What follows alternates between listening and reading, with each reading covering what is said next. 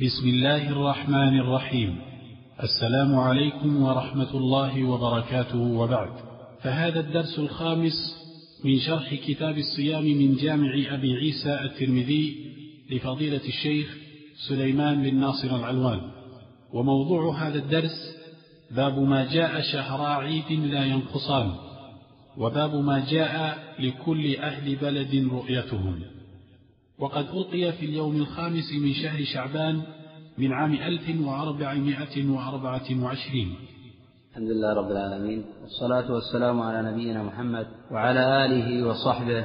قال الإمام أبو عيسى الترمذي رحمه الله تعالى في كتاب الصيام باب ما جاء شهر عيد لا ينقصان. ترجم الإمام أبو عيسى رحمه الله تعالى بلفظ حديث. شهر عيد لا ينقصان وهو متفق على صحته. وهذا كثير في تراجم أبي عيسى رحمه الله تعالى يترجم بلفظ خبر أو بمعنى ما دل عليه الحديث. وهذا عكس الإمام البخاري رحمه الله تعالى في تراجمه فإن يستنبط معنى من الحديث فيترجم له. ولذلك قيل عن الإمام البخاري رحمه الله تعالى فقهه في تراجمه. والفائدة في تراجم البخاري كبيرة جدا. أن يستنبط معنى من الحديث ويترجم له. وقد يكرر الحديث في مواضع ويترجم للمعنى الذي يريد في كل باب بما يناسبه. وتارة يتبع ذلك ببعض المعلقات وببعض كلام الأئمة حول المعنى المراد. والمحدثون أو العلماء في هذا الباب ينقسمون إلى أقسام.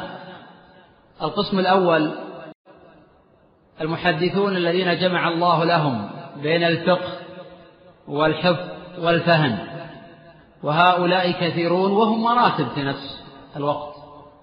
فمن هؤلاء سفيانان والإمام مالك والشافعي والإمام أحمد والبخاري وأبو داود وطائفة.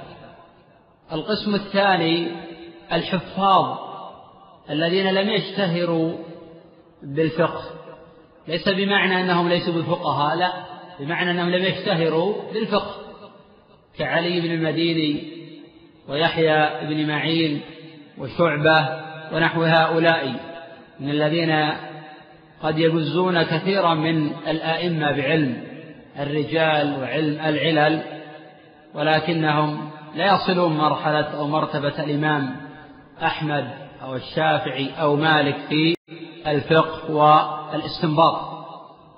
القسم الثالث الذين لهم دراية وفهم وقدرة على إلحاق النظير بنظيره ولكن ليس لهم كبير رواية. وقد وقد يضعفون في الحديث كأبي حنيفة وحماد بن أبي سليمان وجماعة. وهذا التقسيم الذي يصدق على عدد كبير من الأوائل هو واقع في الواقع المعاصر. فيه ناس يحفظون ولكنهم لا يفهمون أو يكون فهمهم قليلا ولا يحسنون الفقه بقوة وضبط مذاهب الآئمة وأقاويلهم. وتفريعات مذاهبهم والراجح من المرجوح من مذاهبهم. وطبقة يحفظون ويفهمون ويستنبطون ويستقلون بالاجتهاد والفهم ولا يقلدون أحدا. وطبقة معنيون بالفقه معنيون بالاستنباط ولكن لا يفرقون بين ما رواه الدرقطني وبين ما رواه البخاري. قال الإمام أبو عيسى رحمه الله حدثنا يحيى بن خلف البصري أخبرنا بشر بن المفضل عن خالد الحذاء عن عبد الرحمن بن أبي بكرة عن أبيه قال قال رسول الله صلى الله عليه وسلم شهر عيد لا ينقصان رمضان وذو الحجة قال أبو عيسى حديث أبي بكرة حديث حسن هذا هو المحفوظ في نسخ أبي عيسى الترمذي رحمه الله فقد حكم على هذا الخبر بالحسن. وقد رواه ثقة عن ثقة حافظ عن حافظ. ولم يضف أبو عيسى رحمه الله تعالى معنى أو حكما آخر مع الحسن. فلم يقل حسن غريب ولم يقل حسن صحيح. وقد تحدث الإمام أبو عيسى رحمه الله تعالى عن مراده بالحديث الحسن. وذلك في آخر جامعة في كتاب العلل. ذكرته مرارا عن أبي عيسى. انظر الإخوة هذا قال أبو عيسى رحمه تعالى عن الحديث الحسن؟ ما روي من غير وجه؟ وليس فيه كذاب ولا متهم؟ ولم يكن شاذا. صحيح؟ يفيد طيب ماذا يفيد هذا؟ يفيد تعريف الحسن. إذا أضيف إليه غريب. هل يصدق عليه هذا التعريف؟ جيد. وإذا أضيف إليه صحيح يصدق عليه التعريف؟ لا يصدق عليه هذا التعريف. أبو عيسى يقول عن هذا الخبر وقد روي هذا الحديث عن عبد الرحمن بن أبي بكرة عن النبي صلى الله عليه وسلم مرسلا ولعله هذا هو السر في كونه لم يحكم عليه بالصحة بكونه قد اختلف فيه منهم من وصله ومنهم من أرسله. ولكن في أحاديث كثيرة جدا في جامع أبي عيسى يختلف فيها الأئمة ويحكم عليها أبو عيسى رحمه الله. ولا سيما أن هذا الخبر رواه الإمام البخاري رحمه تعالى في صحيحه من طريق معتمر. قال سمعت إسحاق عن عبد الرحمن بن أبي بكرة عن أبيه عن النبي صلى الله عليه وسلم. ورواه مسلم في صحيحه من طريق يزيد بن زريع عن خالد عن عبد الرحمن ورواه من طريق معتمر عن إسحاق بن سويد وخالد عن عبد الرحمن. فالخبر متفق على صحته ووصله أصح من إرساله. من منكم يعرف المرسل عند السلف؟ المرسل عند المتأخرين هو ما رواه التابعي عن النبي صلى الله عليه وسلم. يحصرون المرسل في هذا لكن المرسل عند السلف أعم. من منكم يعرفه؟ يعرفه؟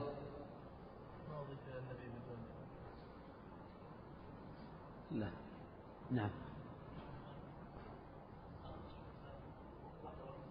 نعم. يعني المرسل عند السلف هو ما روى التابعي عن النبي صلى الله عليه وسلم أو كان منقطعا أو كان معضلا يسمى مرسلا نعم هذا هو الصواب. هذا هو الصواب. فيقول عن الحديث المنقطع بأنه مرسل. يقول عن مروية السعيد عن أبي بكر مرسل عن مروية الحسن عن عمر مرسلة. فعند السلف المرسل أعم مما رواه التابعي عن النبي صلى الله عليه وسلم فيدخل فيه هذا وغيره. فلا يختص المرسل بما رواه التابعي عن النبي صلى الله عليه وسلم. والمرسل منه ما هو الصحيح ومنه ما هو ضعيف سواء كان بالمعنى المنقطع أو بمعنى المرسل الخاص عند المتأخرين. فليس كل منقطع معلولا وليس كل مرسل ضعيفا. فمرويات أبي عبيدة ابن عبد الله بن مسعود عن أبيه مقبولة لأنه يروي بواسطة أهل بيته. علي بن أبي طلحة عن ابن عباس مقبولة يروي بواسطة مجاهد بواسطة عكرمة وبواسطة سعيد. قوله قوله صلى الله عليه وسلم شهر عيد لا ينقصان. شهر مثنى شهران أصله لكن حذفت النون لأجل الإضافة. وقد ساغ الابتداء بالنكرة من أجل الإضافة ومسوغات الابتداء بالنكرة كثيرة جدا عند النحاة. شهر عيد لا ينقصان رمضان. وهل يسمى رمضان عيدا؟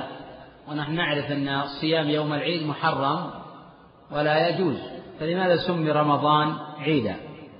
أطلق على رمضان أنه شهر عيد لقربه من العيد. وهذا كثير في السنة. يطلق القريب من الشيء على الشيء. وتارة يطلق الحكم في الكتاب أو في السنة على ما يؤول إليه. وحين قال الرجل للنبي صلى الله عليه وسلم ما شاء الله وشئت. قال جعلتني لله عدلا. بل ما شاء الله وحده. وما شاء الله وشئت من الشرك الأصغر. ومن جعل الله عدلا هو من الشرك الأكبر تطلق الشيء على ما يؤول إليه.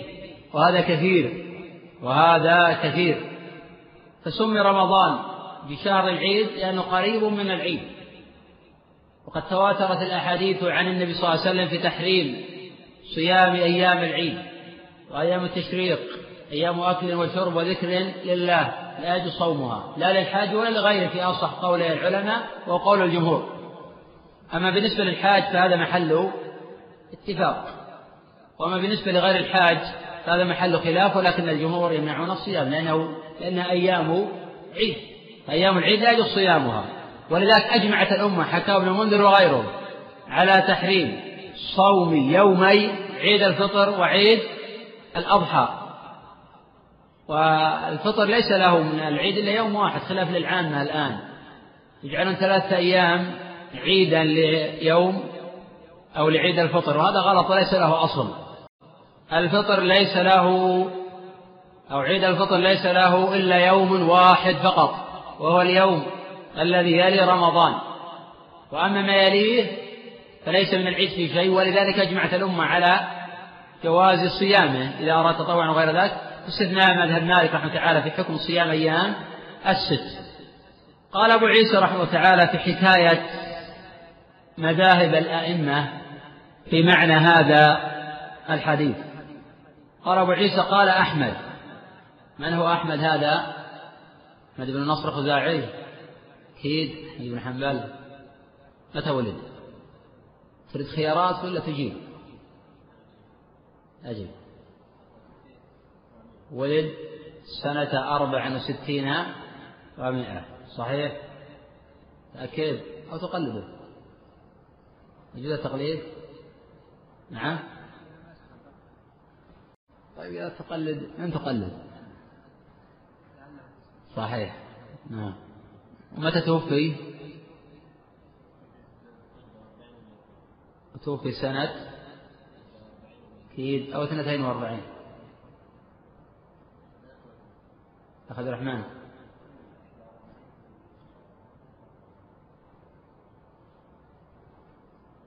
أكد. توفي سنة اثنتين وأربعين ومئتين. ترتيبه من الأئمة الأربعة في آه، السن الرابع من هو الأول أبو حنيفة والثاني مالك الثالث متى ولد الشافعي تريد الخيارات ولا تجيب؟ قد تكون الخيارات مغلوطة أيضا ما يلزم أن تكون صحيحة. ولد الشافعي سنة مئة وتسع وأربعين أو سنة خمسين ومائة أو سنة إحدى وخمسين ومائة. أيها الصحيح. أنا دائما أقول إن الشافعي ولد في السنة الذي التي توفي فيها أبو حنيفة. سنة 150 جيد. طيب متى توفي؟ صحيح. ولد سنة 150 متى توفي الشافعي؟ الشافعي رحمة الله ما عمر كثيرا. عاش أربعة وخمسين عاما. سنة أربع بعد المئتين. نعم رحمه الله تعالى. هنا قال أحمد قال الإمام أحمد معنى هذا الحديث شهر عيد لا ينقصان يقول لا ينقصان معا في سنة واحدة. شهر رمضان وذو الحجة. نقص أحدهما تم الآخر أي في العدد. نقص أحدهم في العدد لزم أن يتم الآخر. وهذا ذكره البخاري رحمه تعالى في صحيحه واختاره. وهذا قول طائفة من الأئمة. وأن معنى قوله صلى الله عليه وسلم شهر عيد لا ينقصان أي لا ينقصان في العدد في سنة واحدة. فإذا نقص رمضان تم ذو الحجة وإذا تم ذو الحجة نقص وقد يتمان معا. الإتمام قد يتمان معا لكن لا ينقصان معا. لأن الإمام أحمد قال لا ينقصان معا في سنة واحدة وقد يتمان معا في سنة واحدة. هذا القول الأول في المسألة. القول الثاني في معنى هذا الخبر وهو قول إسحاق وإليه أشار أبو عيسى رحمه الله تعالى في قوله وقال إسحاق معناه لا ينقصان؟ يقول وإن كان تسعا وعشرين فهو تمام غير نقصان. معنى هذا أنهما لا ينقصان في الأجر والثواب.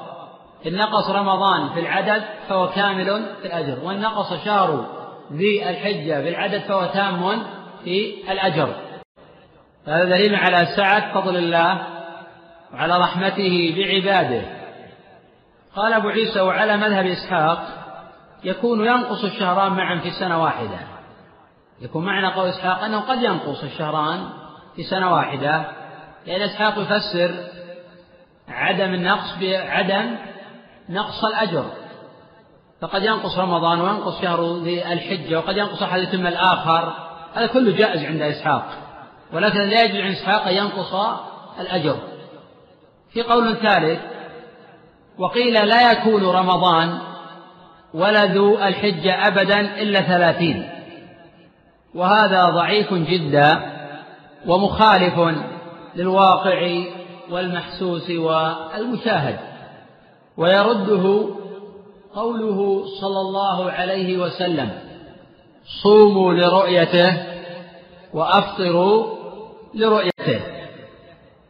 فانه لو كان رمضان لا ينقص عن الثلاثين يوما لم يقل النبي صلى الله عليه وسلم صوموا لرؤيته ولم نحتج إلى الرؤية لأن الإتمام هو الأصل.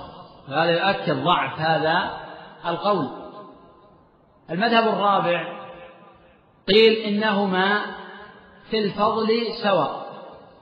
فالفضل في رمضان كالفضل في شهر ذي الحجة. وهذا قول طائفة من الأئمة. وقالت طائفة أن الشهر ذي الحجة أفضل من رمضان لأن رمضان لا يتميز عن شهر ذي الحجة إلا بإصابة ليلة القدر. ولا فالعشر الأول من ذي الحجة قال النبي صلى الله عليه وسلم ما من أيام العمل الصالح أحب إلى الله تعالى. من العمل في هذه. أي أيام العشر. قالوا يا رسول الله ولا الجهاد في سبيل الله؟ قال ولا الجهاد في سبيل الله. إلا رجل خرج يخاطر بنفسه وماله فلم يرجع من ذلك بشيء. وهذا الخبر رواه الإمام البخاري رحمه تعالى في صحيحه من رواية عبد الله ابن عباس. هذه أربعة مذاهب وقيل غيرها. ولعل الأقرب من هذه الأقوال هو قول إسحاق. وأن الشهرين قد ينقصان في العدد ويتمان في الأجر والثواب. والحديث فيه عدة فوائد. نظر مشاركة الأخوة. الأخ محمد. هل في دلالة على أن الأعمال داخلة في مسمى الإيمان أم لا؟ نعم في دلالة صريحة على أن الأعمال داخلة في مسمى الإيمان. وفي دلالة أن الإيمان يزيد. نعم في دلالة صريحة أيضا على أن الإيمان يزيد. نعم الأخ عبد الرحمن. في معنى قول الله جل وعلا وربك يخلق ما يشاء ويختار. ما وجه الاستنباط؟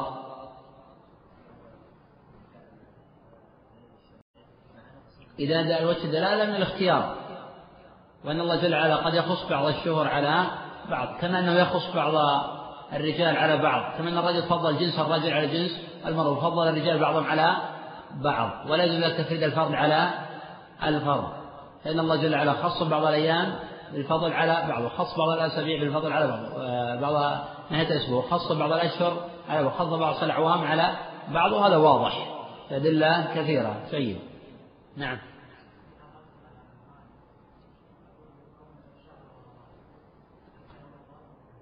نعم في هذا دلالة على الرد على من قال لا يجوز يقال رمضان لأن رمضان اسم من أسماء الله تقدم أن هذا الخبر منكر باطل. وأن الصواب لا مانع أن تقول رمضان وأن رمضان ليس اسما من أسماء الله تعالى صحيح. أخ عبد الرحمن. الأخ عبد الرحمن يقول فيه أن نية المؤمن أبلغ من عمله. طبعا في حديث رواه ابن عين في هذا المعنى لكنه ضعيف وقد ذكر ابن تيمية في الفتاوى ستة أوجه لصحة هذا المعنى. ما وجه الاستنباط؟ على قول إسحاق إذا نية المؤمن على قول إسحاق بمعنى أنه من نية يصوم آه الإتمام هذا في رمضان. طيب كيف وجه الاستنباط في شهر ذي الحجة؟ قلنا هذا في رمضان واضح. من نية أنه لو تم شهر يصوم فبالتالي صار الأجر كاملا. لكن في شهر ذي الحجة ما وجه الاستنباط.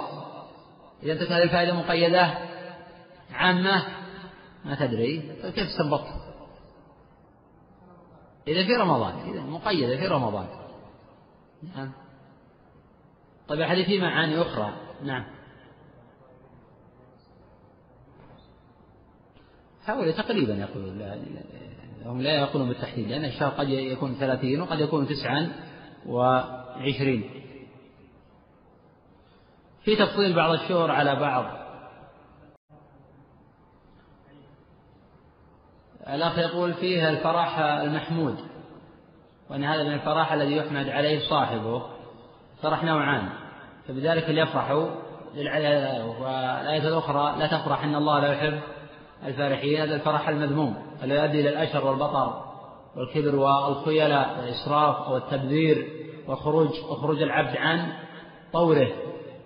وفي أن الشيء ينسب إلى المجاور له ولا يأخذ حكمه من كل وجه. وفيه سعة فضل الله جل وعلا. وفي معنى قول الله جل وعلا في الحديث القدسي إن رحمتي سبقت غضبي. وفي فضيلة شهر رمضان. وفي فضيلة شهر ذي الحجة وفي أن الأعوام تتفاضل. قال الإمام أبو عيسى رحمه تعالى باب ما جاء لكل أهل بلد رؤيتهم. هذا الباب معقود بتوضيح أن لكل أهل بلد رؤيتهم وهذا مذهب الجمهور وهذا مذهب الجمهور.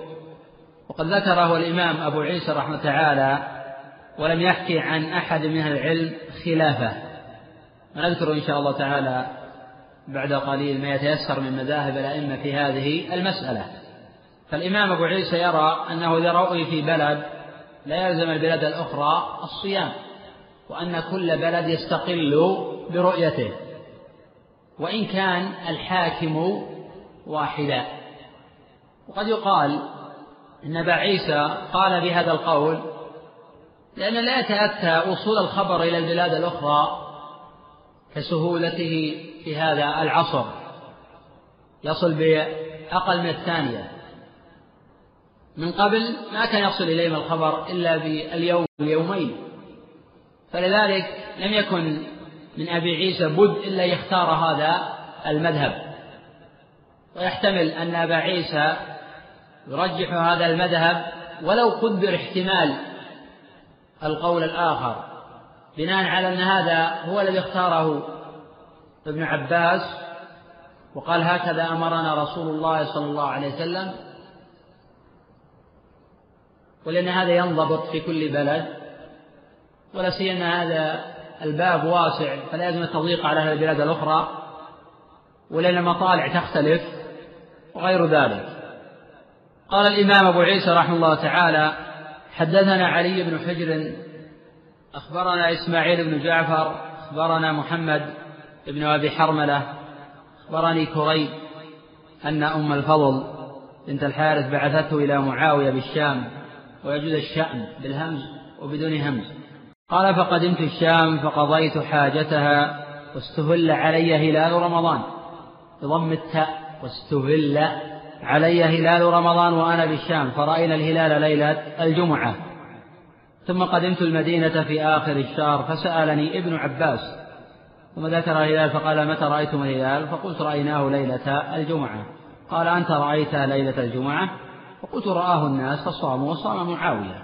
فقال لكن رأيناه ليلة السبت فلا نزال نصوم حتى نكمل ثلاثين يوما أو نراه. فقلت ألا تكتفي برؤية معاوية وصيامه؟ قال لا. هكذا أمرنا رسول الله صلى الله عليه وسلم. قال أبو عيسى حديث ابن عباس حديث حسن صحيح غريب. وقد رواه مسلم في صحيحه عن يحيى ابن يحيى ويحيى ابن أيوب وقتيبة وابن حجر كلهم عن إسماعيل ابن جعفر. وهذا الخبر سناده صحيح ولا إشكال في هذا لكن ما معنى قول أبي عيسى بأنه غريب؟ ما وجه حكم أبي عيسى على هذا الخبر بالغرابة؟ محمد. لماذا حكم عليه أبو عيسى بالغرابة؟ نعم. جيد. لأنه تفرد به إسماعيل بن جعفر ثم تفرد أيضا به محمد بن أبي حرملة عن كريب فلهذا السر قال عنه بأنه غريب. جيد. أخبرني كريب أن أم الفضل بنت الحارث أم الفضل اسمها لبابة وهي أخت ميمونة وهي والدة لأحد أكابر أصحاب رسول الله صلى الله عليه وسلم. من هو؟ لا أحد يجيب. ننظر الأخوة. أم الفضل والدة هي زوجة لأحد الصحابة والدة لأحد أكابر أصحاب رسول الله صلى الله عليه وسلم وأقاربه. نعم. والدة عبد الله بن عباس. نعم صحيح. إذا هي زوجة العباس. العباس عم النبي صلى الله عليه وسلم. حين جاء الإسلام كان قد بقي من أعمام النبي صلى الله عليه وسلم أربعة. صحيح؟ نعم. أسلم اثنان وامتنع اثنان. أسلم العباس وحمزة. وكفر اثنان أبو لهب وأبو طالب. ومن العجيب في الأمر أن اللذين أسلم توافق أسماؤهما أسماء أهل الإسلام. وأن اللذين امتنع عن الإسلام لا توافق أسماءهما أسماء أهل الإسلام. ما اسم آه، أبي لهب؟ عبد العزة. وما اسم أبي طالب؟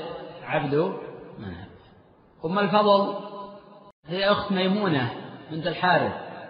وهي زوجة العباس وهي والدة عبد الله ابن عباس الحبر أن أم الفضل بنت الحارث بعثته إلى معاوية. ذكر ابن حبان رحمه الله أن أم الفضل وهي لبابة قد توفيت في خلافة عثمان. ذكر الإمام ابن حبان رحمه الله أن أم الفضل وهي لبابة بنت الحارث قد توفيت في خلافة عثمان رضي الله عنه. متى توفي عثمان؟ تريد الخيارات أو تجتهد؟ خيارات أو تجتهد؟ سنة كم؟ أكيد سنة ثلاثين سنة خمس وثلاثين؟ كلكم تأكدون؟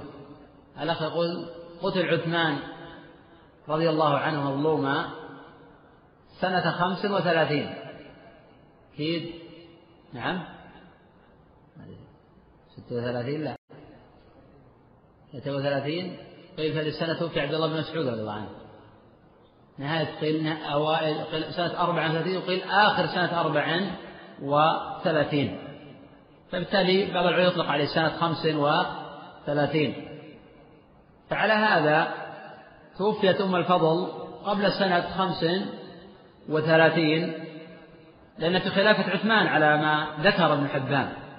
وهذا يعني أنها لما أرسلت كريبا إلى معاوية. لم يكن معاوية حاكما لكل المسلمين كان أميرا لأنه ولي على الشام قبل أن يكون أميرا للمؤمنين. ولكن في إشكال لأن سياق الخبر يفيد أن معاوية كان آنذاك هو الوالي على المسلمين وأن هذا الأمر وقع عقب سنة إحدى وأربعين لأن الحسن تنازل عن الخلافة لمعاوية رضي الله عنه سنة إحدى وأربعين. وسمى هذا العام عام الجماعة لاجتماع الناس على خليفة واحد. فيحتمل أن ابن حبان رحمه الله غلط في تحديد وفاة لبابة. ويحتمل والعلم عند الله أن هذه الحادثة قصة قريب مع ابن عباس في الرؤيا وقعت قبل أن يكون معاوية خليفة للمسلمين وأنه حين كان أميرا على الشام ولكن الإشكال حين قال لا تكتفي برؤيته لأنه كان آنذاك فيها كابر الصحابة وهم اللي يبتون في الأمر. فيها إذا قلنا في خلافة عثمان في عثمان. إذا قلت في خلافة علي في علي. في أكابر الصحابة رضي الله عنهم. قال كري فقدمت الشام فقضيت حاجتها واستهل علي هلال رمضان. بضم التاء كما تقدم. وذلك من استهلال قال وأنا بالشام. فرأينا الهلال ليلة الجمعة. فيها اعتبار الرؤية. في اعتبار الرؤية. قال ثم قدمت المدينة في آخر الشهر. فسألني ابن عباس ثم ذكر الهلال. في حرص الصحابة رضي الله عنهم على التباحث في العلم وعلى ترائي الهلال. قال ثم ذكر فقال متى رأيتم الهلال؟ فقلت رأيناه ليلة الجمعة. فقال أنت رأيته ليلة الجمعة؟ فقلت رآه الناس فصام وصام معاوية. فقال لكن رأيناه ليلة السبت فلا نزال نصوم حتى نكمل ثلاثين يوما في اعتبار الرؤيا. وفي أنه إذا لم يرى الهلال ليلة ثلاثين يجب إتمام العدة. يقول نعم حتى نكمل ثلاثين يوما أو نراه. إذا الشهر يعتبر بالرؤيا أو في إكمال ثلاثين يوما. وفي أنه لا يلزم العالم بمسائل الاجتهاد فلم يلزم معاوية ابن عباس ولم يلزم ابن عباس آه، معاوية. قد كان أئمة السلف يقولون فيما يريدون من مسائل الاجتهاد. كلامنا الصواب يحتمل الخطأ وكلام غيرنا خطأ يحتمل الصواب. وكان يعذر بعضهم بعضا. وليس معنى هذا أنه لا ينصح بعضهم لبعض ولا يعظ بعضهم بعضا ويذكر بعضهم بعضا أو يذاكر بعضهم بعضا هذا كان موجودا بينهم ولكن يعذر بعضهم بعضا بمعنى أنه لا يلجأون إلى السب والشتم والتبديع والتضليل إن بعض الناس من لم يوافقه فهو عدوه وإن قال برأيه رفع من قدره وعظم شأنه وفضل على غيره وقد يكون أقل قدرا من الآخرين لكن لأنه يوافقه. وإذا كان لا يوافقه حاول يتنقص من قدره ويقلل من شأنه وهذا ليس من صفات أهل العلم ولا من صفات أهل التقوى الورع. فلا يزال الناس يخالف بعضهم بعضا. وإذا خرج الإنسان عن الدليل يجب مناصحته وتذكيره بالله وتخويفه. وفي نفس الوقت يجب البيان للناس والنصح للناس حتى لا تزل قدم بعد ثبوتها. فقلت القائل كريم ألا تكتفي برؤية معاوية؟ هذا قرينة واضحة إلى أن هذا الحكم وقع في خلافة معاوية رضي الله عنه وأن ابن حبان غلط في تحديد وفاة لبابة؟ لأنه قال لا تكتفي برؤية معاوية. هذا إشارة إلى أن كان آنذاك لم يكن عثمان موجودا ولم يكن علي رضي الله عنه موجودا وأن معاوية هو الخليفة. فقلت ألا تكتفي برؤية معاوية وصيامه؟ لأن ابن عباس لو كان موجودا كابر الصحابة لقال لماذا معاوية يكتفي برؤية الخلفاء الراشدين وبقية الخلفاء الراشدين؟ فهذا دلالة قوية على أن هذا الحكم وقع في خلافة معاوية. قال لا هكذا أمرنا رسول الله صلى الله عليه وسلم. هذا يحتمل أحد أمرين. هذا يحتمل أحد أمرين. هكذا أمرنا الرسول صلى الله عليه وسلم. يحتمل أحد أمرين. الأمر الأول أمرنا الرسول صلى الله عليه وسلم أي باعتبار الرؤية. أي باعتبار الرؤية. إذا لا نقتدي بأحد. والاحتمال الثاني أمرنا الرسول صلى الله عليه وسلم أن نأخذ برؤيتنا دون رؤية أهل البلاد الأخرى. فيكون الحكم لكل بلد رؤيتهم بنص كلام النبي صلى الله عليه وسلم. وهذا في الحقيقة في شيء من البعد. ولعل ابن عباس حين قال هكذا أمر صلى الله عليه وسلم يشير إلى حديث صوموا لرؤية وأفطروا فهم منه ابن عباس. أن لكل بلد رؤيته فيبقى المسألة مسألة فهم وليست نصية من كلام النبي صلى الله عليه وسلم. وقد أشرت فيما مضى إلى مذاهب العلماء في هذه المسألة وأشير على عجل إلى مذاهبهم. المذهب الأول لكل بلد رؤيته. وقال أبو عيسى في هذا الباب العمل على هذا عند أهل العلم أن لكل أهل بلد رؤيتهم. المذهب الثاني أنه إذا روي ببلدة لزم البلاد الأخرى الصوم. وهذا مشهور عن المالكية ورواية عن الإمام أحمد. وهذا مشهور عن المالكية ورواية عن الإمام أحمد. وهذا يؤيد ما ينادي به جماعة من أبناء عصرنا توحيد الأهلة. ولهم سلف في هذا. هذا مشهور عن المالكية ورواية عن الإمام أحمد. وتفرع على هذا رواية عن أحمد تكفي رؤية أهل البلد عن البلاد الأخرى دون الإيجاب. وهذا المشهور في مذهب أحمد. المذهب الثالث أنه يبنى في ذلك على اتحاد المطالع فينظر في ذلك المطالع. فلكل رؤيته على حسب اختلاف المطالع. وإذا تقاربت البلاد. واتفقت مطالعها كان الحكم واحدا ولو اختلف حاكمها.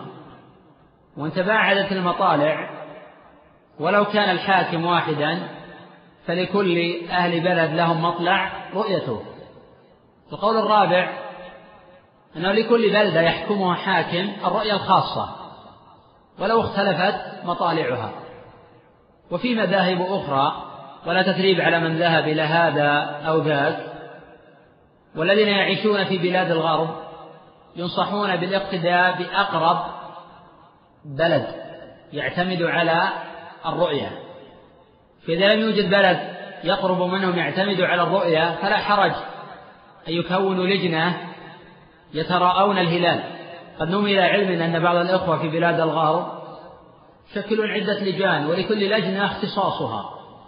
فهم يعيشون في بلاد الغرب وفي بلد واحد فهؤلاء يصومون يوم السبت والباقي يصومون يوم الأحد. هذا في الحقيقة غلط. لأنهم يعتمدون على الرؤيا فكان يجب على هؤلاء يقتدوا بهؤلاء وألا يتفرقوا. وإذا ما أمكنت الرؤيا ولا أمكن تشكيل لجنة ولا أمكن أيضا الاقتداء ببلد مجاور يقتدون برؤية أهل مكة كما نص عليه الإمام أحمد وغيره. يجب البعد عن الخلاف والنزاع والخصام والشجار في أمور كان لهم فيها سعة وأناه نقف على قول أبي عيسى باب ما جاء ما يستحب عليه الإفطار. الأخ يقول تحدثت عن القول بأن رؤية هلال رمضان بالمكبرات والمقربات يثبت فيها دخول الشهر كرؤيته بالعين المجردة أخذا بإطلاق الرؤية في الأحاديث الواردة في هذا الباب. يقول إلا أنه لما عرضت مسألة إذا جاء إلى القاضي رجل قد لبس نظارات شاهدا برؤية الهلال يقول رأيتم بأن شهادته ترد أنا ما قلت بأن الشهادة ترد أنا قلت بأنه قد تكون قرينة على رد شهادة فرق بين العبارتين. فرق بين العبارة وأكدت هذا المعنى قلت أنا لا قلت رد إنما تكون قرينة. قد تقبل. قد تقبل. وسألت القاضي عن ذلك تقبلون ولا تقبلون؟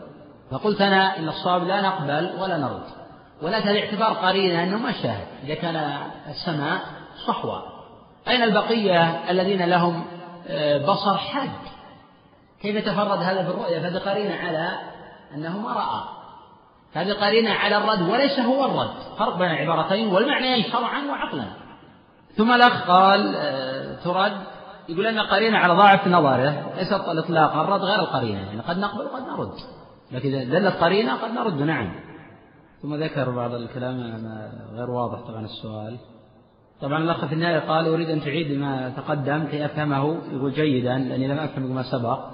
الذي يقول لما تحدثنا عن الحساب وعن إمكانية الاعتماد على الحساب في مسألة واحدة وهي مسألة النفي وأنه إذا تواطأ أهل الحساب إذا تواطأ أهل الحساب على أن الهلال لا يمكن أن يولد هذه الليلة واتفقوا على ذلك فادعى مدع واحد بأنه قد رأى الهلال إن هذا قرينة على غلطه. وليس معنى هذا أنه يرد مطلقا لكن قرينة على الغلط ليس بمعنى اعتبار الحساب دون الرؤية حاشا كلا. إنما قرينة على الرؤية ما صدقت. وقلت لو تواطأ أهل الرؤيا على الرؤيا ولو ادعى الحساب أنه لم يولد نعتمد رؤية الذين قد تواطؤوا على الرؤيا. ثم عرضت إذا قلت لو أن رجلا ضعيف البصر يلبس نظارات ادعى أنه رأى الهلال وكانت السماء صحوا. والبقية لم يروا ذلك. وقلت أن المراصد وضعت ثم أتينا بهذا الرجل. والمراصد وضعت على مكان الرؤيا فما رؤي؟ الصواب نرد شهادته نعم. لكن ليس معنى الرد لذات النظارات. قد نرد ولو كان حد البصر. لأن المراصد وضعت على نفس المكان فلم ترى. كيف رآها ولكن لما كان ضعيف البصر كان دلالة وقرينة قوية على الرد. ولذلك لو لم توضع المراصد قد نقبل قد نقبل فبالتالي نحن نبني بذلك على القرائن. قد نقبل وقد نرد. وذلك أبو حنيفة رحمة الله تعالى يقول إذا كانت السماء غيما قبل شاهد واحد في الدخول. وإذا كانت السماء صحوا لا يقبل إلا جمع. صاب نقبل الشاهد الواحد في الدخول سواء كانت السماء غيما أو صحوة ولكن الشاهد الواحد له شروط ليس على إطلاقه كل شخص يدلي بالشهادة نقبل هذا غير صحيح. لا يشترط في ذلك أن يكون حاد البصر وألا وأن تتأتى إمكانيات الرؤية أما يأتي شخص مثلا يقول أنا شاهدت ولم يعد دربيل يقرب أنا مثله بالبصر وما يعد دربيل يقرب أنا فكل وجه شاهد. قرينا في الحقيقة على أنه ما رأى وأنه غلط في الرؤية ليس باعتبار أن لا نقبل شهادته لكن باعتبار القرين كذلك الذي يلبس النظارات. هذا نوع قرينة وليس هو آه، الرد الأخ يقول ما أفضل شيء في صيام شعبان؟ هل يصوم كله؟ أو يصوم يوما ويفطر يوما؟ الأفضل صيام شعبان أن يصوم أكثره. أن يصوم أكثره لأن النبي صلى الله عليه وسلم كان يصوم شعبان كله إلا قليلا. هكذا قالت عائشة والخبر متفق على صحته. المرأة تصوم كل شعبان استثناء أيام الدورة الشهرية والرجل يصوم كله ويدع يوما أو يومين لأن النبي صلى الله عليه وسلم لم يكن يصوم شهرا كاملا إلا رمضان. وإذا صام يوما وافطر يوما قد أحسن وإذا صام الأكثر فهذا الأفضل. ما الأخ يقول والسائل من جدة يقول هل اختلاف المطالع يعني أن هنالك أكثر من ليلة للقدر؟ لا. ليلة القدر لا تتعدد في بلد دون بلد. لا تتعدد في بلد دون بلد. فقد نرى الهلال مثلا في بلادنا ليلة السبت. في بلاد المجاورة يرونها ليلة الأحد. إذا كانت ليلة القدر عندنا ليلة آه، سبع وعشرين فعلى حسب اليوم الذي عندهم تكون هي ليلة القدر. فليلة ليلة القدر لا تتعدد. تكون ليلة واحدة. ليلة القدر خير نفسها تكون ليلة واحدة في الشهر. فاختلاف المطالع لا يعني تعدد ليلة القدر. ثم أن المطالع هذه أمور ظنية ليست أمورا قطعية. قد يصيبون وقد يخطئون في ذلك. فلذلك نعتمد في الرؤية وقلت أن الرؤية تختلف من بلد إلى آخر. وخلاف مشهور في كلام العلماء. نعم.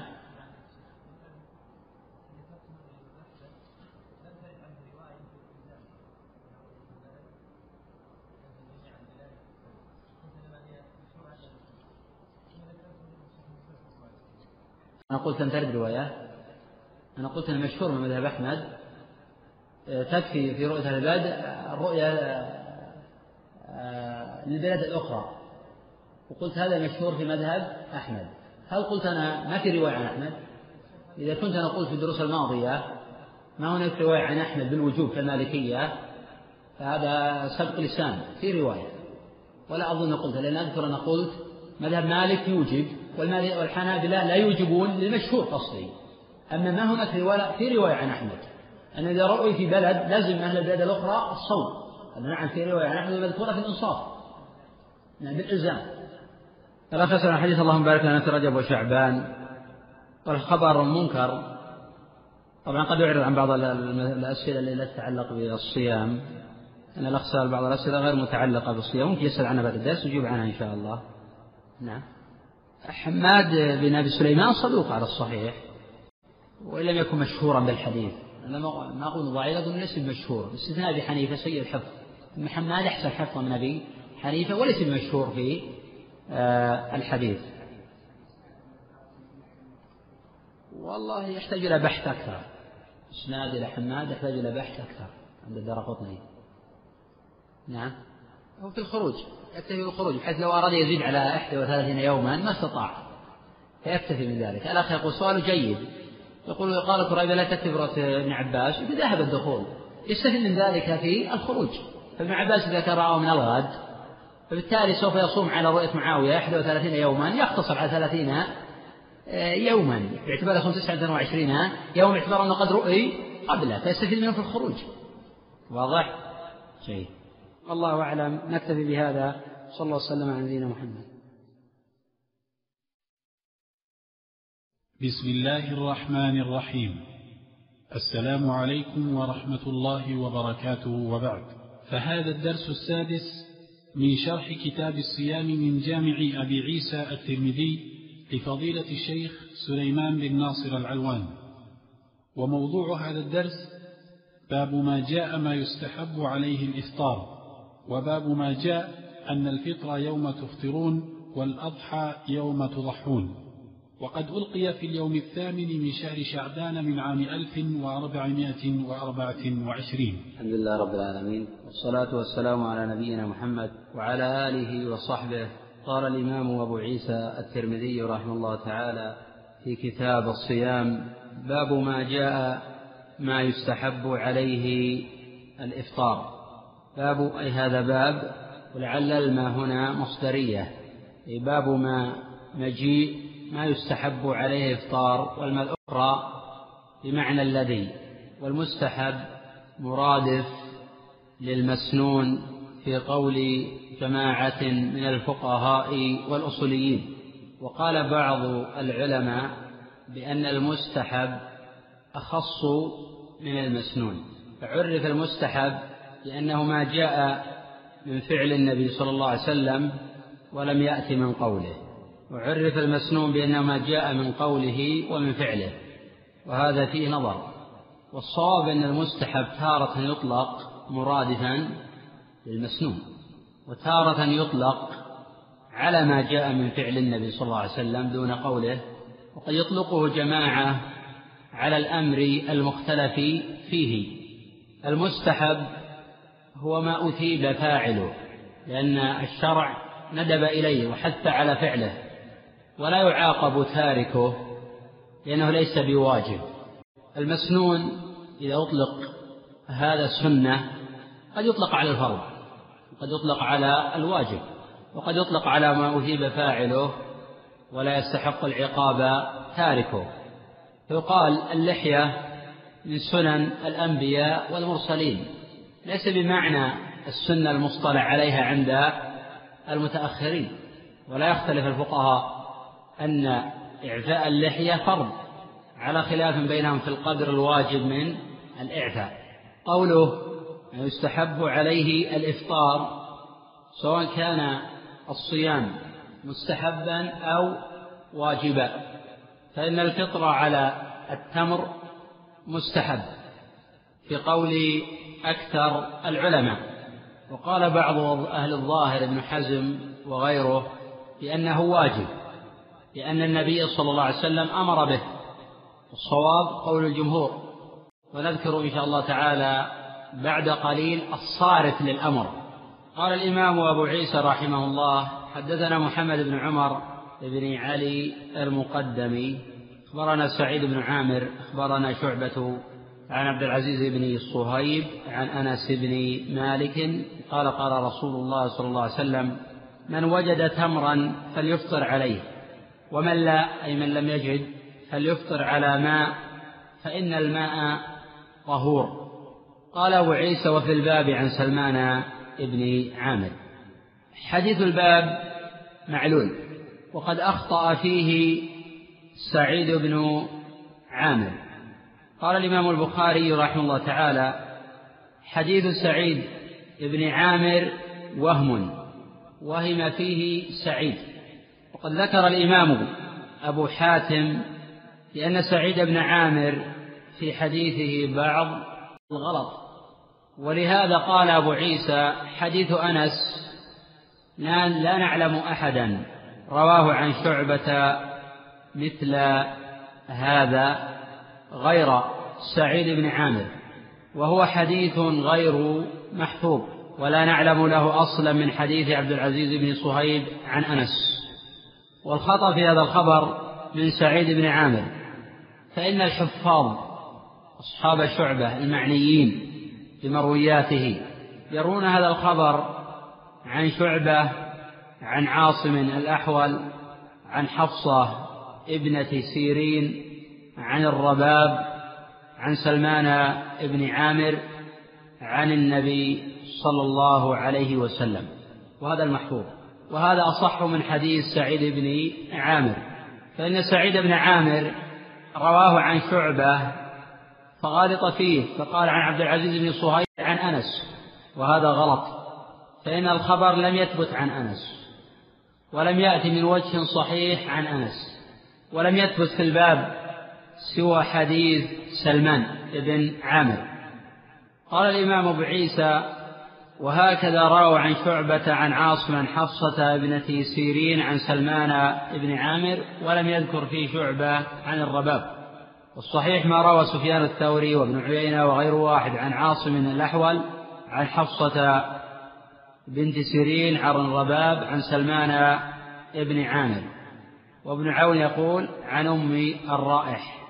بنت صليع عن سلمان بن عامر. والرباب لا بأس بحديثها فلم تأت بشيء ينكر. وقد روت عنها حفصة ابنة سيرين وهي ثقة. وصحح لها الترمذي وابن خزيمة وابن حبان وهذا ظاهر كلام أبي حاتم. وهذا يرفع جهالتها ويقوي أمرها. فإن الخبر إذا لم يروى إلا من طريق واحد وصحح أحد الأئمة الحديث فإن هذا توثيق لكل الرواة.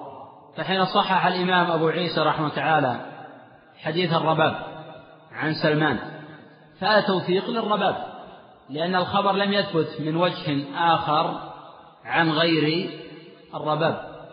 أتبع المؤلف رحمه الله تعالى هذا الخبر المعلول بحديث حفصة عن الرباب. قال حدثنا محمود بن غيلان. أخبرنا وكيع. أخبرنا سفيان عن عاصم الأحول. حدثنا هناد.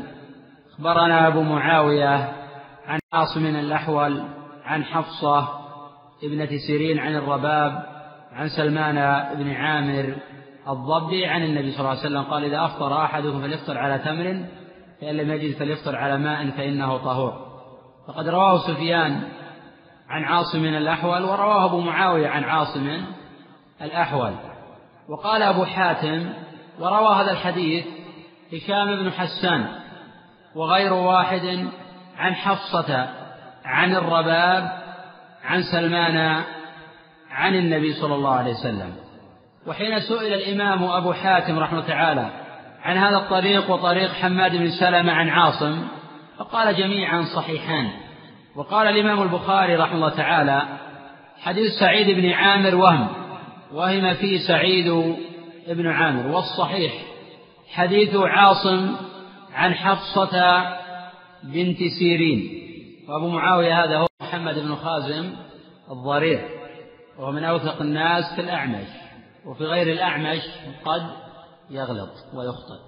قال أبو عيسى على هذا الخبر وهذا حديث حسن صحيح وجزم بصحته غير واحد وهذا الذي يفهم من كلام البخاري وأبي حاتم. صححه ابن خزيمة وابن حبان وهذا أصح حديث في هذا الباب. قوله صلى الله عليه وسلم إذا إذا ظرف لما يستقبل من الزمن وهي بمعنى الشرط. أفطر أحدكم أي عقب الصيام سواء كان الصوم نفلا أم واجبا. فليفطر ألف رابط لجواب الشرط. وقوله فليفطر هذا أمر. والأمر في قول الجمهور في هذا الحديث للندب وقد قال الإمام البخاري رحمه الله تعالى في صحيحه باب يفطر بما تيسر بالماء وغيره. وذكر حديث عبد الله ابن أو فقال سرنا مع النبي صلى الله عليه وسلم والصائم.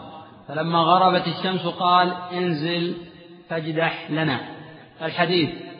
وقد أشار به البخاري رحمه تعالى إلى أن الأمر ليس للوجوب. خلافا لابن حزم رحمه الله تعالى حين قال بأن الأمر واجب. وهذا في نظر من وجوه. الوجه الأول أن الفطر غير واجب فإنه قد يفطر حكما وبالتالي يكون ما يترتب عليه غير واجب. إذا لم يكن الفطر واجبا فكيف يقال أنه لا بد أن يفطر على كذا أو كذا؟ الأمر الثاني أن الأحاديث الأخرى أفادت بأنه لا يجب الإفطار على التمر ولو مع وجوده فعلم أن الأمر للندب وليس للإجابة الأمر الثالث أو الوجه الثالث أنه ليس كل أمر يحمل على الوجوب بإطلاق. إذا خلا الأمر عن القرائن وكان في الأحكام فإنه يفيد الوجوب عند الجمهور. وهؤلاء الجمهور يقولون بأن الأمر إذا كان في الآداب فإنه لا يفيد الوجوب. أو إذا دلت قرينة على أن الأمر ليس للإجاب وفي صوارف أخرى تفيد أن الأمر للاستحباب. ولذلك من الوجوه في هذا الباب أن الأمر جاء في بيان ما يفطر عليه. ونحن نعلم أن الإفطار غير واجب. هذه قرينة واضحة وقوية على أن التمر غير واجب. قوله فليفطر على تمر. والفطر على التمر مسنون. وشرع الإفطار على التمر لأنه حلو. والصيام يذهب المواد السكرية من الجسم. وهذا هو اللي يسبب لبعض الصائمين الكسل والهزال. فحين يفطر على الحلو يعيد للجسم قوته وحيويته والسكريات التي يفتقدها الصائم بالصيام. وهذا ما أثبته الطب الحديث. ففيه علم من أعلام النبوة وفي أن الاكتشاف العلمي موافق للأدلة والأخذ بالدليل نجاة سواء وافق ما دل عليه العلم الحديث أو لم يوافق. ولكن العلم المبني على أصول صحيحة لا يمكن أن يختلف مع الأحاديث والنصوص. أن العقل السليم لا يختلف مع النصوص الصحيحة. وإذا تعارض نص لفظ وارد والعقل حتى ليس يلتقيان فالعقل إما فاسد ويظنه الرائي صحيحا وهو ذو بطلان أو أن ذاك النص ليس بثابت ما قاله المعصوم بالبرهان كثير من الصائمين يفطرون على المواد الحارة لأن النفوس تتوق إليها وتشتهيها ويعرضون عن التمر والماء وهذا وإن كان مباحا لكنه مضر طبا. فإن المعدة إذا كانت خالية بحاجة إلى ما يعيد قوتها ولا يمكن استعادة القوة إلا بالتمر أو بالماء وذاك الأطباء ينصحون بالماء على الريق فإنه نافع للمعدة. والمواد الحارة عقب الصيام قد تضر بالمعدة ولا ضرر ولا ضرار. ولذلك لو أن الأطباء يتفقون على وجود الضرر لقلنا يحرم الإفطار على المواد الحارة لأن يجب على العبد أن يحافظ على صحته. ونحن نعرف أن الضرورية الخمس منها حفظ النفس. وإذا لم يجد تمرا ولا ماء ووجد شيئا من الحلوى فلا حرج أن يفطر عليها. فإن الحلوى تقوم مقام التمر. مسألة. إن تاقت نفسه إلى الحلوى دون التمر مع وجود الأمرين. هل يقال إن الحلوى يقوم مقام التمر من كل وجه؟ الصواب أن الحلوى لا تقوم مقام التمر من كل وجه. فإن الشارع حكيم فحين ينبه على أمر ففي فوائد متعددة. والتمر يختلف عن الحلوى والفروق في ذلك متعددة. فالتمر أفضل وإن كانت الحلوى مجزئة وسواء أفطر على الرطب أو على التمر فالكل سنة. فإن التمر حين يطلق يشمل الرطب وغيره. وإن كانت بعض الأحاديث أشارت إلى أنه يطعم الرطب إن لم يكن فالتميرات. فهذا حين التفصيل نفصل وحين التعميم يدخل هذا في هذا.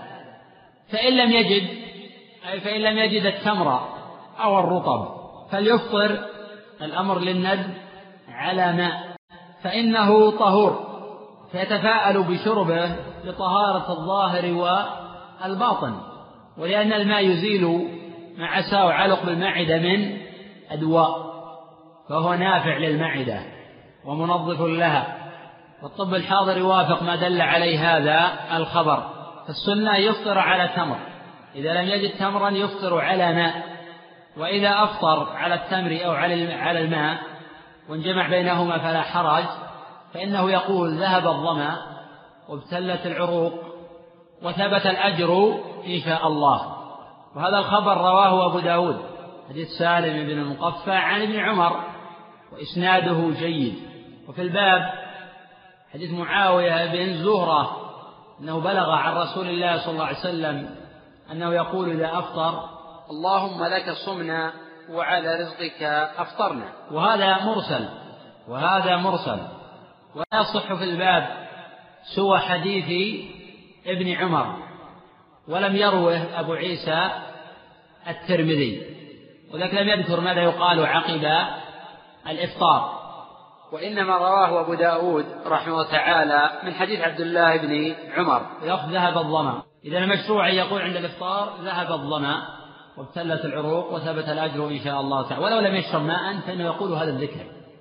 فقول ذهب الظمأ فإن الطعام فيه مادة سائلة تذهب الظمأ. الذين يقولون هذا الذكر لا يقال في أيام الشتاء إذا لم يشرب ماء هؤلاء مخطئون ومجانبون للصواب. لأسباب متعددة. السبب الأول أن الأطعمة فيها مواد مائية. الأمر الآخر أن هذا الذكر يقال للطعام وليس بلازم يقال للماء لأنه إذا أفطر ذهب الظمأ وابتلت العروق. الأمر الثالث أنه يحتمل أن السلم يقول ولو لم يشرب ماء لأنه كان يفطر على التمر ولا يلزم من مزج الماء بالتمر.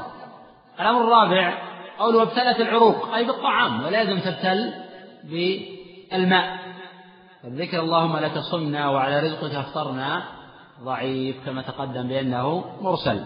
مسألة يغفل كثير من الصائمين. يغفل كثير من الصائمين وقت الإفطار عن متابعة المؤذن. وهذا من الغلط الذي يتتابع عليه كثير من الناس. فلا يشغلك الفطر عن متابعة المؤذن.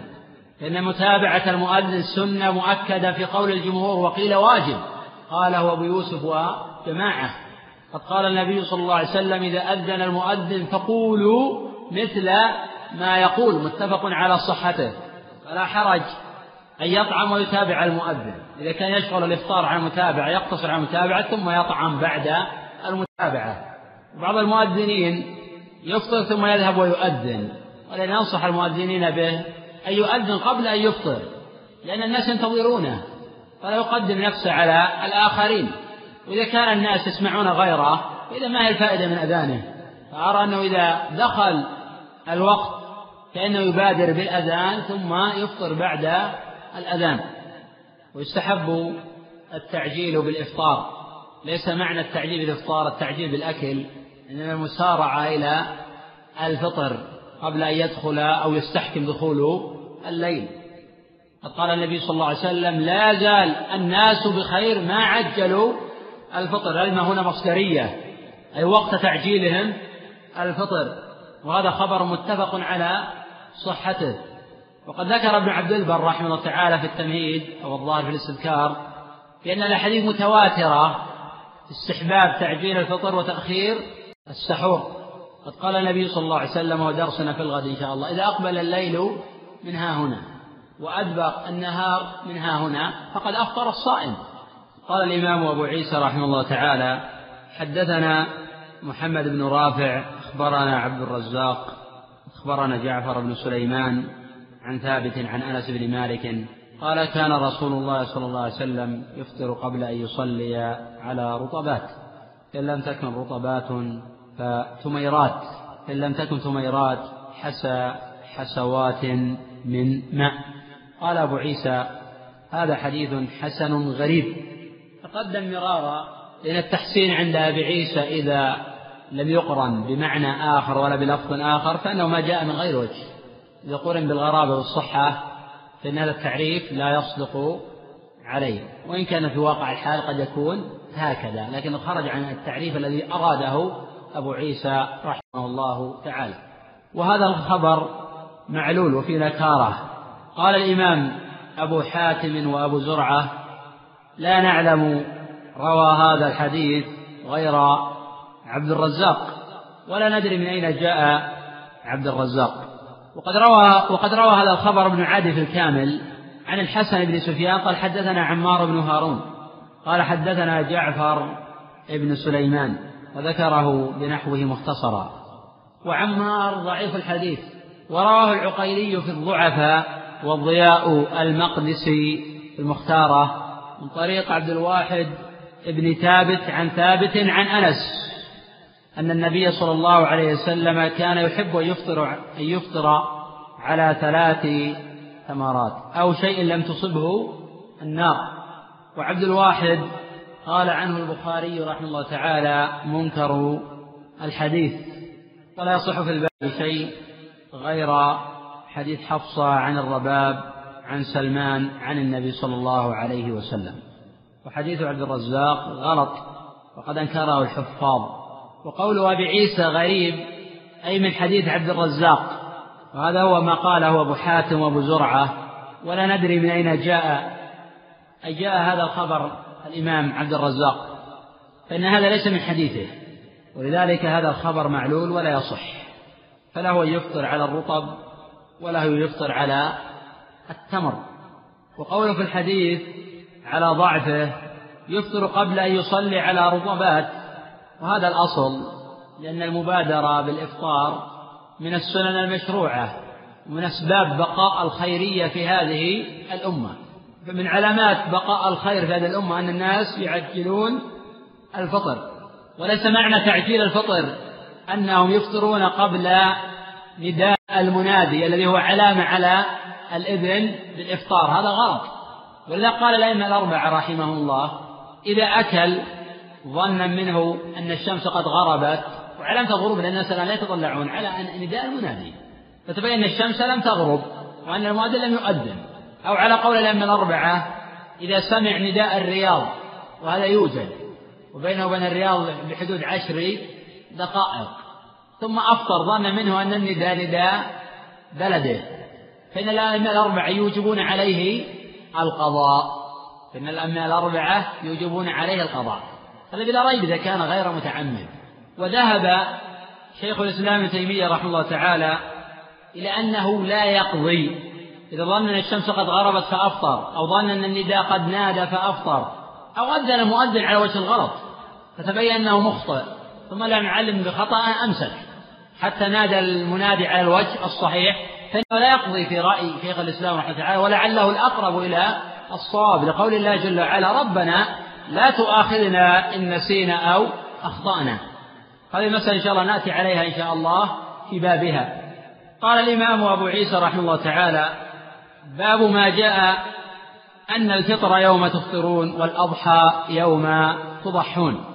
ترجم الإمام أبو عيسى رحمه تعالى للفطر والحديث جاء أيضا في أول بالصوم والترجمة بالصوم هو الأنسب للباب لأن هذا الحديث عن خروج رمضان والآن نحن نتحدث على واقع بداية الشهر. فلو أن أبا عيسى قال باب ما جاء أن الصوم يوم تصومون لكان هذا أنسب لأن الحديث عن دخول رمضان وعن بداية رمضان. وترجمة أبي عيسى تعني أن الفطر يوم تفطرون أي حين يخرج رمضان ويدخل شوال. وقد يكون الإمام أبو عيسى قصد أن الفطر يوم تفطرون هذه إشارة وفهم دقيق أن الفطر يوم تفطرون يقصد أنه لا فطر إلا حين يفطر الناس بخلاف دخول الشهر. فإن يكتفى فيه بشاهد واحد. يكتفى فيه بشاهد واحد. بخلاف خروج رمضان لا بد من جمع. فلذلك آه، أشار إلى الفطر ولم يشر إلى الصوم لدل عليه الخبر لوجود أدلة أخرى. قال أبو عيسى رحمه الله تعالى حدثنا محمد بن إسماعيل أخبرنا إبراهيم بن المنذر أخبرنا إسحاق بن جعفر بن محمد وهذا هو الهاشمي. وهو صدوق. قال حدثني عبد الله بن جعفر وهذا هو ابن عبد الرحمن ابن المسور ومن رجال مسلم الأربعة عن عثمان بن محمد هذا هو الأخنسي. عن المقبوري عن أبي هريرة أن النبي صلى الله عليه وسلم قال الصوم يوم تصومون والفطر يوم تفطرون والأضحى يوم تضحون. قال أبو عيسى هذا حديث غريب حسن. وقد رواه أبو داود وغيره من طريق محمد بن المنكدر عن أبي هريرة عن النبي صلى الله عليه وسلم قال فطركم يوم تفطرون وأضحاكم يوم تضحون. وقد قيل بأن ابن المنكدر لم يسمع من أبي هريرة. نص عليه البزار وغيره. وروى الترمذي من طريق يحيى بن اليمان عن معمر عن ابن المنكدر عن عائشة عن النبي صلى الله عليه وسلم الفطر يوم يفطر الناس والأضحى يوم يضحي الناس. ويحيى بن اليمان كثير الغلط ولعله غلط في جعله من مسند عائشة. والصواب ما رواه يزيد بن زريع عن معمر عن ابن المنكدر عن أبي هريرة. وابن المنكدر في سماعه من أبي هريرة سماعه من أبي هريرة نظر. ولا أعلم في هذا الباب شيئا ثابتا إلا إن كان طريق عبد الله بن جعفر عن عثمان بن محمد الأخنسي عن المقبري عن أبي هريرة. فهو أصح شيء ورد في هذا الباب. وقول الصوم يوم تصومون قيل بأن معناه إشارة إلى أن الخطأ مرفوع عن الناس فيما كان سبيله الاجتهاد.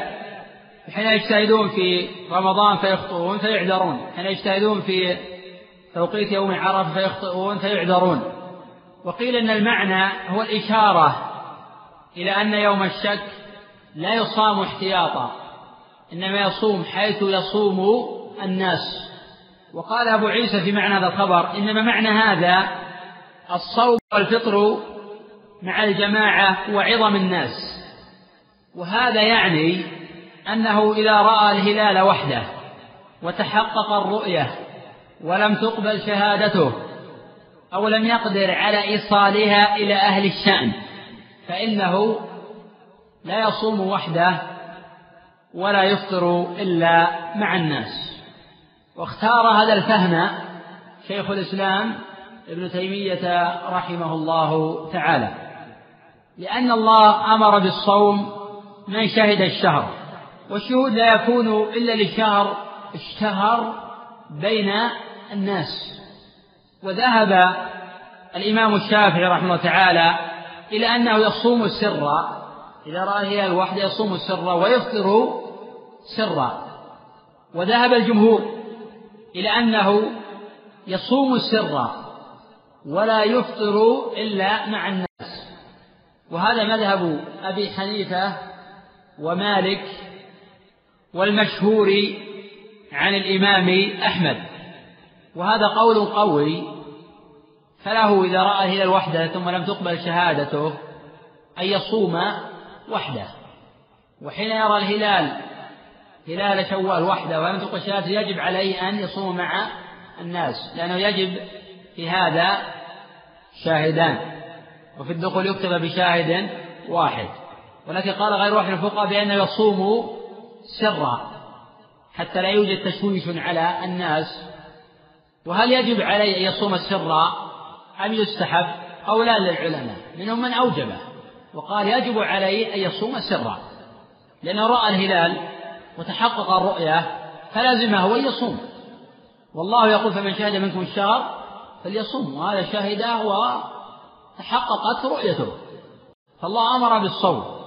وقال الطائفة بأنه مستحب غير واجب لاحتمال خطئه في الرؤيا ولأن الشهر من الشهرة فيستحب في حقه ولا يجب عليه.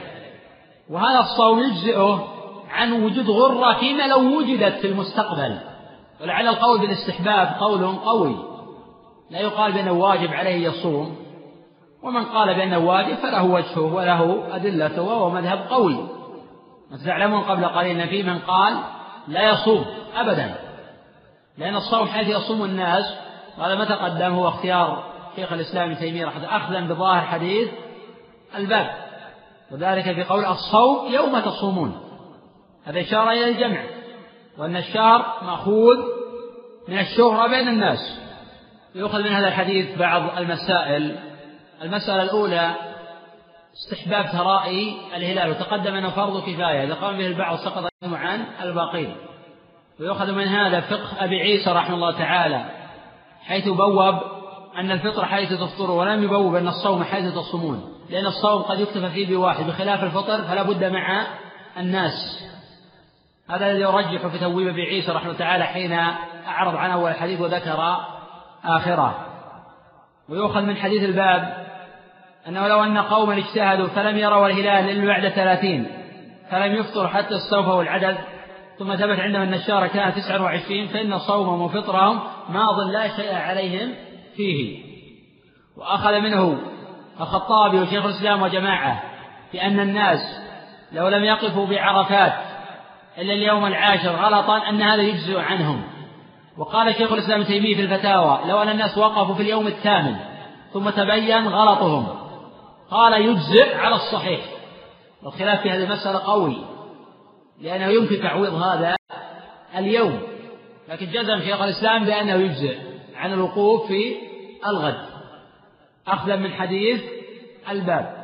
ولكن قد يقال بأن اليوم لم يفت يمكن يعوض من الغد. بخلاف ما لو فات اليوم وقفوا في اليوم العاشر. ويؤخذ من هذا الحديث دلالة على أفضلية الجماعة. وأن يد الله مع الجماعة. ولا يزال العلماء يقولون بأن الاجتماع على المفضول خير من الافتراق على الفاضل. نقف على هذا وعلى قول أبي عيسى رحمه الله تعالى باب ما جاء إذا أقبل الليل وأدبر النهار فقد أفطر الصائم. نعم. ما معنى هو أي نعم. نعم.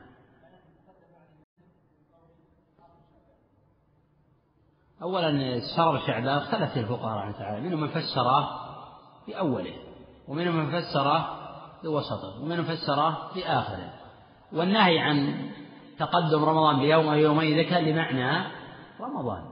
إذا لم يكن لمعنى رمضان فلا حرج أن يتقدم. هذا قالوا طائفة من العلماء تقدم الحديث عن هذا. فعلى هذا التفسير لا حرج ولا إشكال في هذا. الأخ يقول ما معنى قول الجمهور؟ يصوم يصوم السر ويفطر مع الناس في من رأى الهلال دون غيره. معنى هذا أنه إذا رأى الهلال رأى هلال رمضان وحده يصوم سرا. وإذا رأى هلال شوال وحده يحرم عليه أن يفطر.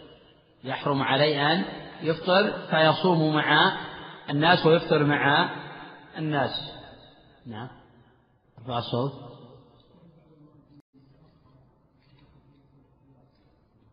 ولا لا داعي للاحتياط. الاحتياط هو متابعة السنة. يكون بعض المؤذنين يؤخر يقول أريد أن أحتاط. هذا غلط. إذا أقبل الليل وأدبر النهار فإنه يؤذن. إذا غاب القرص هذا علامة. ونتحدث عنه إن شاء الله في هذا في الغد. ولكن الاحتياط أن يتابع الإنسان السنة. الأخ يقول هل أفضل للصائم عند الفطر السكوت أم الحديث فوق الطعام؟ هو أفضل شيء أنه يقول الذكر الوارد ولم يرد أيهما أفضل أن يسكت أو يتحدث. إن هذا لم يرد فيه شيء ولكن بلا ريب أن الأفضل أن يكون ذاكرا لله معظما لله مثنيا عليه وهذا أمر جميل. حين سئل الإمام أحمد رحمه الله أيهما أفضل على الطعام؟ الحديث أم الذكر؟ فقال رحمه الله تعالى من السكوت. فقال الذكر أفضل من الكلام والكلام أفضل من السكوت بشرط طبعا أن يكون الكلام مباحا أو في تعلم أو تعليم أو ذلك أما الكلام محرم لا شك أنه محرم مطلقا والكلام الفضولي لا داعي لا وأنا قلت قبل قليل وشرط إلى أنه يتابع المؤذن ويقول الذكر بعد ذلك.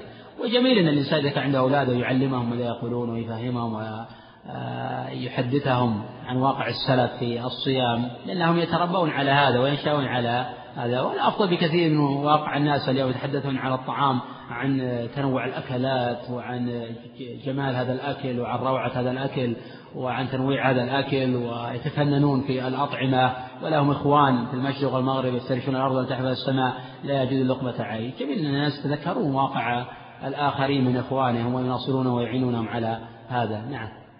الأخ يقول في سؤاله من تابع المؤذن يقطع حديثه إلى أن ينتهي من المؤذن؟ نعم نقول يقطع حديثه. تابع المؤذن ولا يحول بينه وبين متابعة المؤذن شيء. الأخ يقول في بعض النسخ موجودة عندنا يقول باب ما جاء الصوم يوم تصومون. وهذا جيد على هذا يكون على التعريف الأول الذي أشرت إليه وذكرته. على حذف هذا فهو ما أشار إليه أن الفطر لا يتعلق بهذا.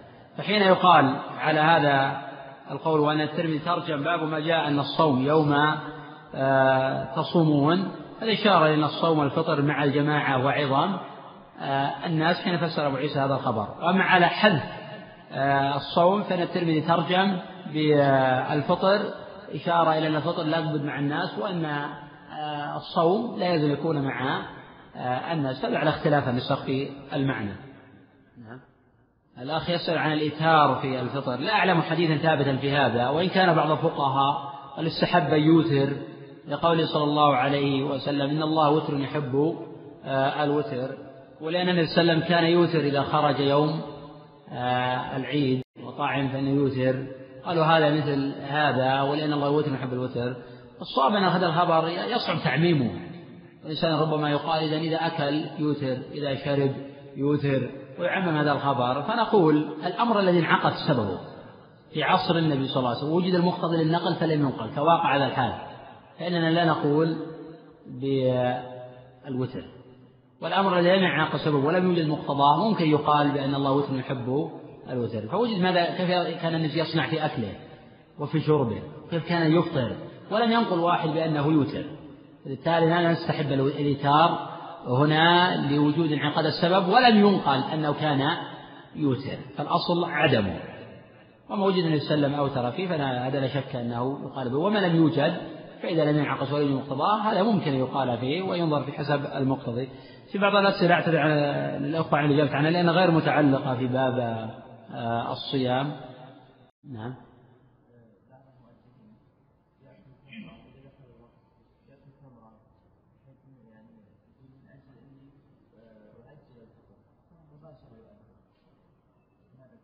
والله المبادرة بالأذان أفضل لأن الظاهر من صنع بلال أنه كان يؤذن قبل أن يؤذن أنه كان يفطر قبل أن كان يؤذن قبل أن يفطر.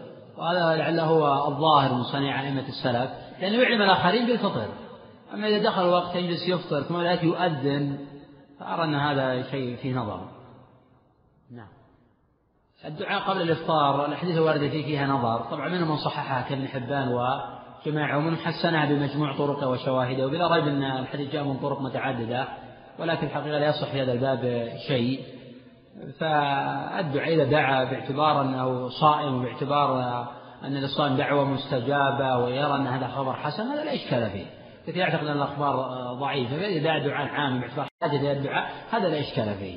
وأما إذا كان يعتقد أن الأخبار ضعيفة فهو يدعو لذات الشيء فهذا فيه نظر. قلت لكن جماعة العلم يحسن الخبر آه، بشواهده وطائفة ابن حبان يصحح الخبر لذاته. والمحفوظ أن النبي صلى الله عليه وسلم إذا أفطر ذهب الظمأ ثلاث عروق وثبت الأجر إن شاء الله. نعم.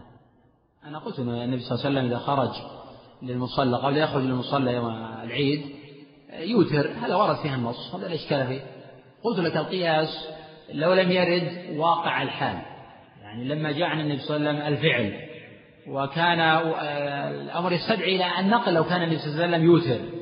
فبالتالي لا نقول باستحباب آه، الإيثار في آه، الفطر في رمضان. لأن هذا وجد سببه وقام المقتضي للنقل لو فعله النبي صلى الله عليه وسلم فلم ينقل. إذا نبقى على الأصل أنه لا يوتر وأنه لا دليل على الإيثار. لأن أحيانا نقول بهذا نقول إذا في الطعام والشراب ويتعلق بذلك. وأما الفعل الذي لم يوجد المقتضي للنقل أو أنه ما نقل واقع الحال عن النبي صلى الله عليه وسلم ثم لم ينقل هذا قد يقال باستحباب الإيثار. والله أعلم نكتفي بهذا. صلى الله وسلم على نبينا محمد.